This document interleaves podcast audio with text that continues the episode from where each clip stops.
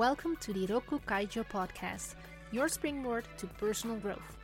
My name is Marianne Reijnen. I am your host during this journey. In the previous episode, we zoomed in on what resilience is, what the effects of resilience are, and how you can increase your resilience. In this episode, we'll look at misconceptions about resilience, focusing on the individual within an organization. Danielle D. King and Megan R. McSpadden, respectively assistant professor and PhD student in industrial and organizational psychology, have researched this. They have examined two common misconceptions or pitfalls. Pitfall 1 Resilience is a personality trait. As we have discussed in the previous episode, resilience is not just an individual trait. Of course, some people may be naturally resilient, but if we focus purely on the individual level, we actually forget to what extent companies, employers, or in general organizations can play a role. Rather than a trait, resilience can also be approached as a particular state of mind that individuals can achieve within an organization. But what is needed for that?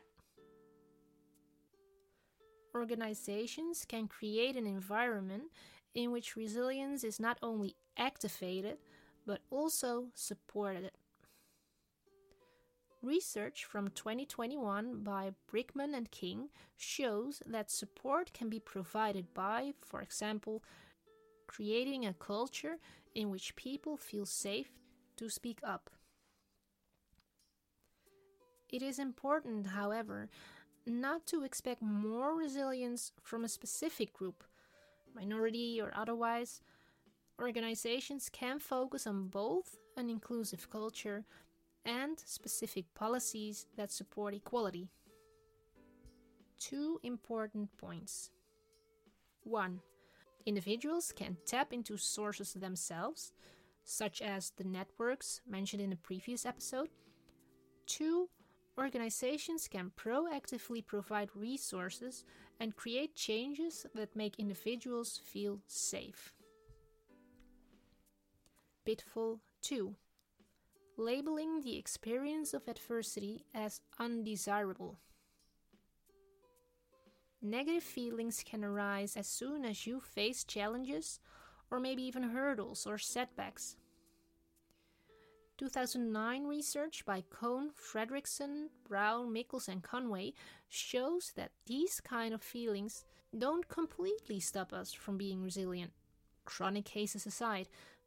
Unfortunately, it often happens, consciously or not, that people are indirectly or directly labeled negatively when they express frustration, share their fears, or indicate that something is too much for them.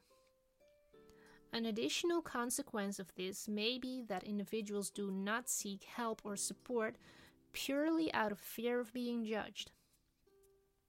It is important that organizations are aware that resilience does not mean that there should never be negative feelings in difficult times, that would be a very unrealistic view. Instead, organizations could look inward and determine if there's anything in the organization that deserves attention and how to help or support individuals in the best way. Rokku Kaijo's weekly tip.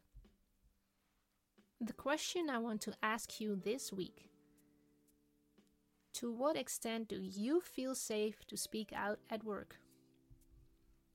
Consider this and be honest with yourself about the degree of safety and what is the basis for it. Could you focus more on expanding your network in order to be more resilient? How does the organization you work for provide a safe environment for you to express yourself freely? Thanks for listening to the Rokku Kaijo podcast. Tune in every Thursday for a new episode. More information and the latest news can be found on the website rokku-kaijo.com.